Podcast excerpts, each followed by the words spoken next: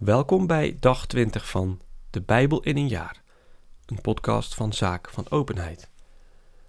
Vandaag lezen we Genesis 41 en 42, Psalm 20 en Matthäus 13, vers 31 tot en met 58. Genesis 41 Twee jaren later had ook Farao een droom.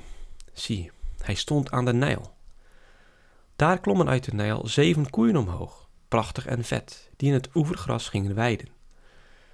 Maar zie, daarna klommen zeven andere koeien uit de Nijl omhoog, lelijk en mager, die naast de eerste gingen staan aan de oever van de Nijl. De lelijke en magere koeien slokten de zeven prachtige en vette koeien op. Toen ontwaakte Farao. Hij sliep weer in en droomde opnieuw.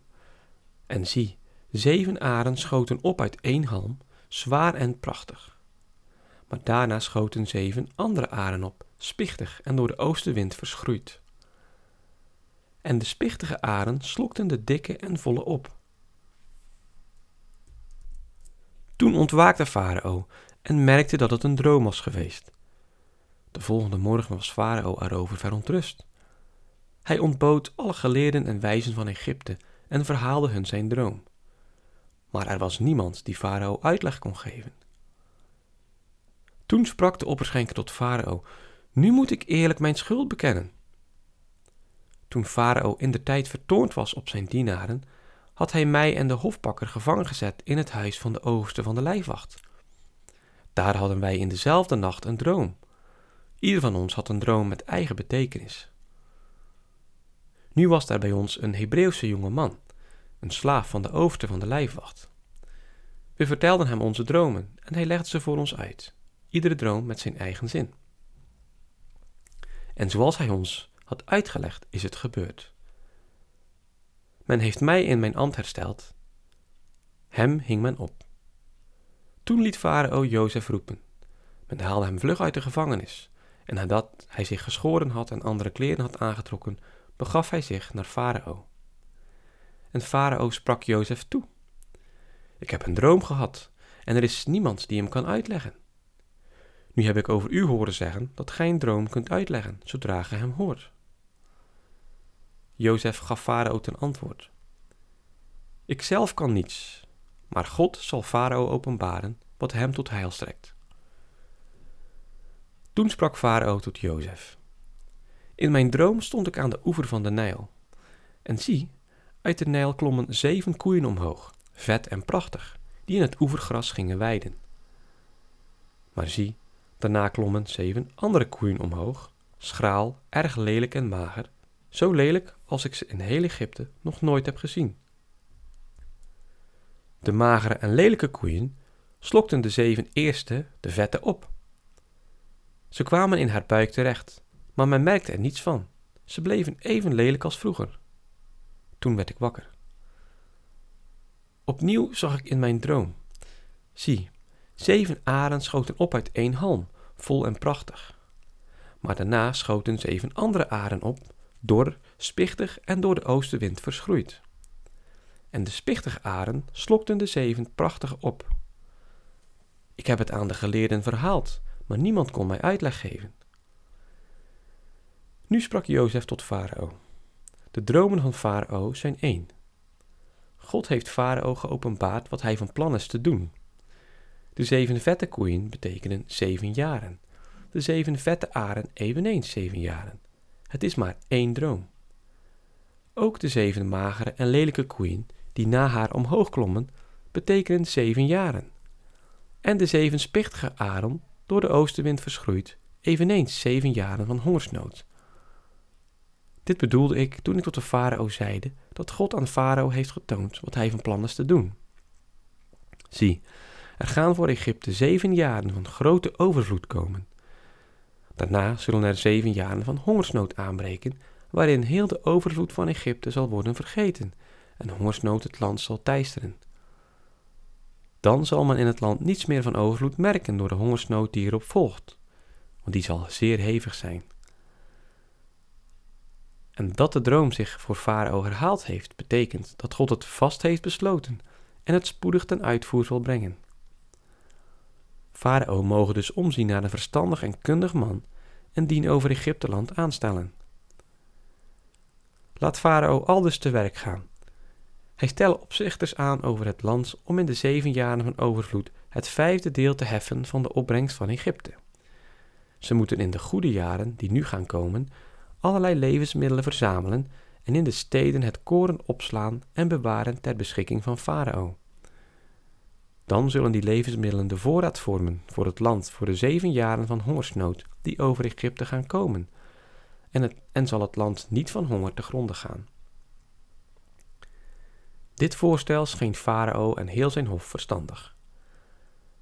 En Farao sprak tot zijn hovelingen: Zou er een man zijn te vinden in wien Gods geest is als in hem? En Farao zei tot Jozef: Nu God u dat alles heeft geopenbaard, is er niemand zo verstandig en kundig als gij. Gij zult dus niet enkel mijn huis besturen, maar heel het volk zal aan uw bevel gehoorzamen, en allen door mijn troon zal ik bo en alleen door mijn troon zal ik boven u staan. En Farao vervolgde tot Jozef: Hiermee stel ik u aan over heel het land van Egypte. En Farao trok de zegelring van zijn vinger, stak die aan de hand van Jozef, trok hem een kostbaar linnen gewaad aan en hing hem een gouden keten om de hals. Daarna liet hij hem zijn eigen wagen bestijgen, de beste op één na, en men riep voor hem uit, op de knieën. Zo stelde Farao Jozef aan over heel het land van Egypte. En hij zeide tot hem, Ik blijf Farao, maar buiten uw wil zal niemand hand of voet verroeren in heel het land van Egypte. Farao gaf Jozef de naam Safenat Paneach en schonk hem Asenat, de dochter van Potifera, den priester van On, tot vrouw. Jozef was dertig jaar oud toen hij in dienst trad van Farao, den koning van Egypte. Nu ging Jozef van Farao heen en doorreisde heel het land van Egypte. En terwijl het land in de zeven jaren van overvloed volop droeg, verzamelde hij in die zeven jaren dat er overvloed was in Egypte allerlei levensmiddelen. Hij stapelde ze op in de steden en iedere stad sloeg hij, in iedere stad sloeg hij de oogst op van de velden rondom. En Jozef hoopte het koren op als het zand aan de zee, zo ontzaglijk veel dat men ophield met meten, omdat het niet meer te meten was. Nog eer het jaar van de hongersnood kwam, kreeg Jozef twee zonen, die Asinat, de dochter van Potifera, den priester van On, hem baarde. Jozef noemde de oudste Manasse, want God heeft me al mijn ellende en heel mijn vaderlijk huis doen vergeten. Ten tweede noemde hij Ephraim, want God heeft mij vruchtbaar gemaakt in het land van mijn ongeluk. Toen nu de zeven jaren van overvloed die in Egypte heersten ten einde waren, braken de zeven jaren van hongersnood aan, zoals Jozef voorspeld had. In alle landen was er gebrek, maar in heel het land van Egypte was brood. En toen ook heel Egypte honger begon te krijgen en het volk tot Farao om brood riep, zei de farao tot alle Egyptenaren: Ga tot Jozef en doet wat hij u zegt. En toen er hongersnood heerste over het hele land, opende Jozef de graanschuren en verkocht het koren aan de Egyptenaren. En ofschoon er ook in Egypte hongersnood woedde, kwamen alle landen naar Egypte om van Jozef koren te kopen, want de hongersnood teisterde ook de hele wereld.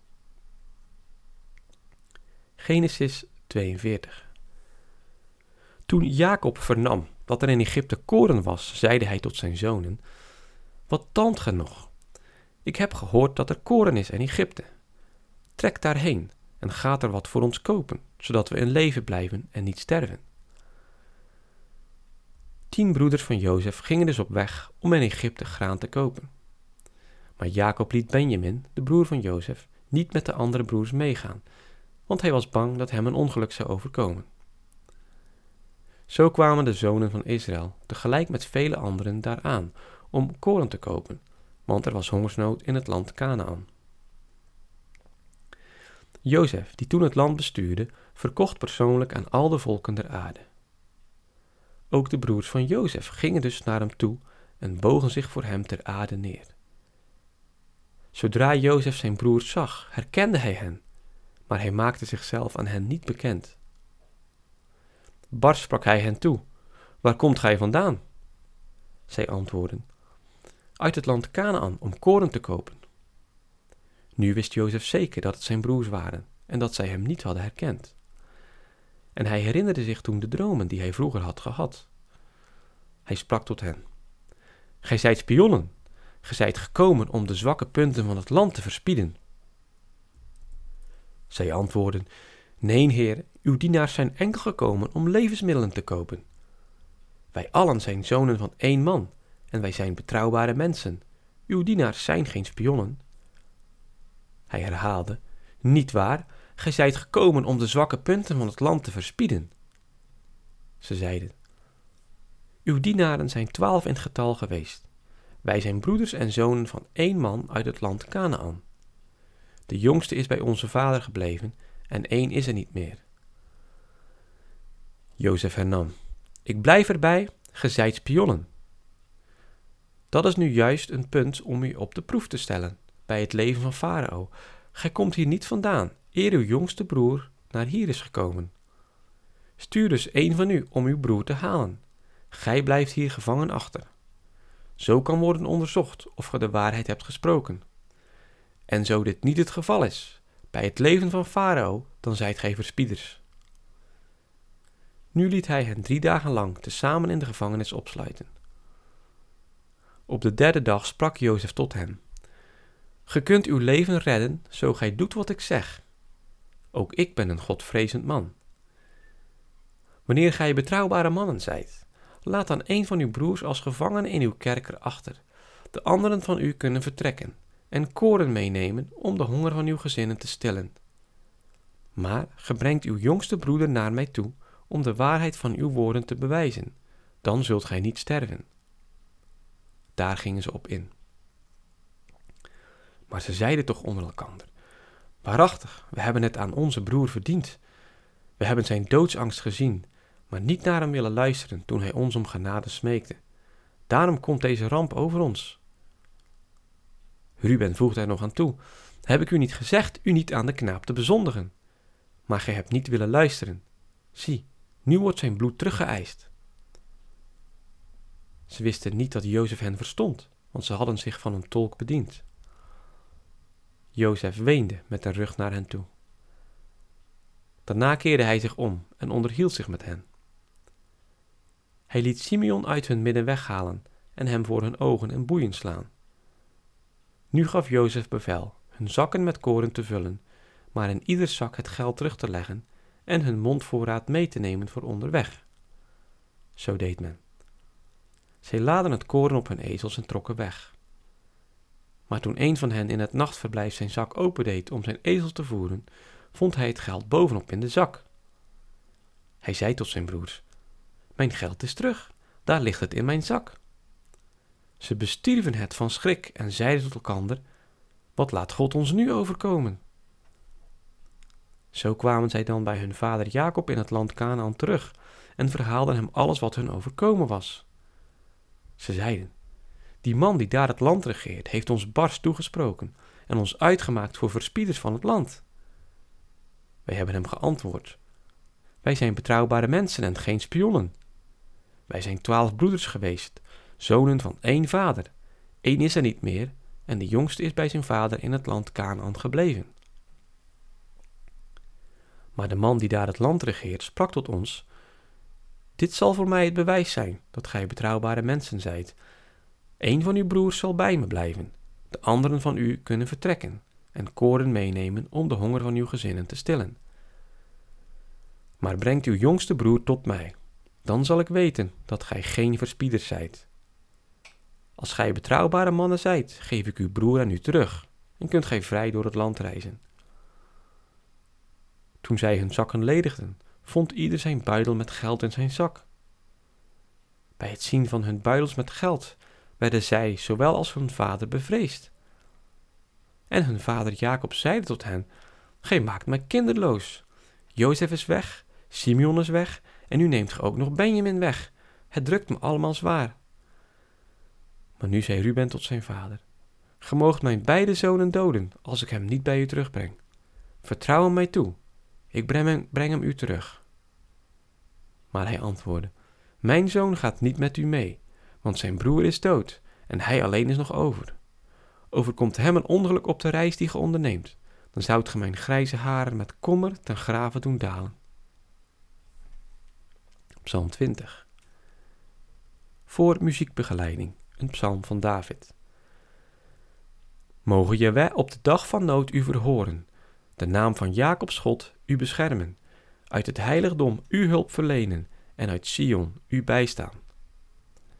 Hij gedenke al uw offergaven en nemen genadig uw brandoffers aan. Hij schenke u wat uw hart maar begeert en doe al uw plannen gelukken. Dan zullen wij om uw zegepraal juichen, in de naam van onze God de feestpanier heffen.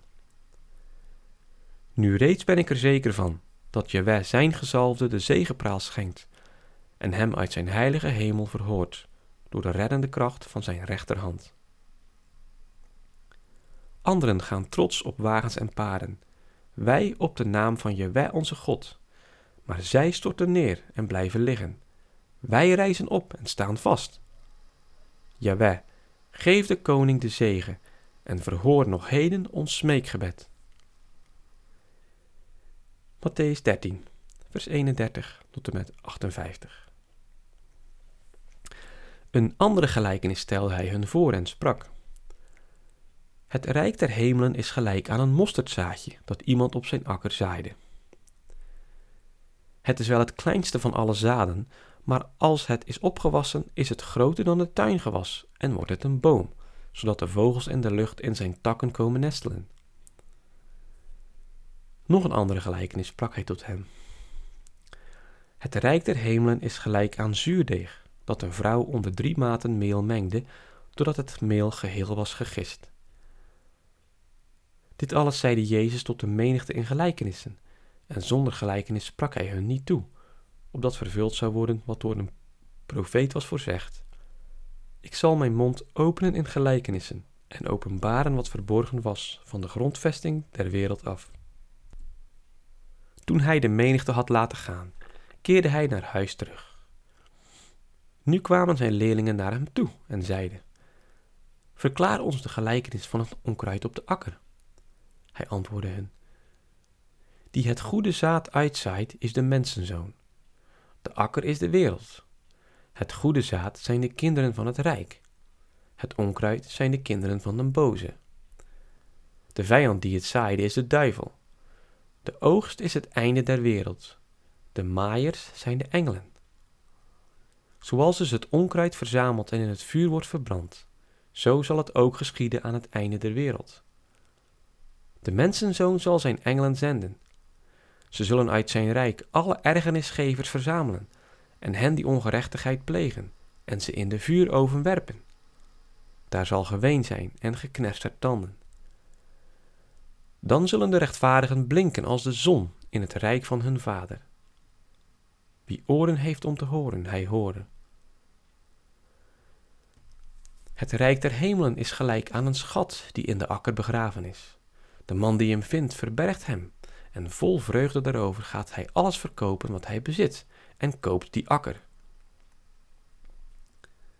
Nog is het rijk der hemelen gelijk aan een koopman die schone palen zocht.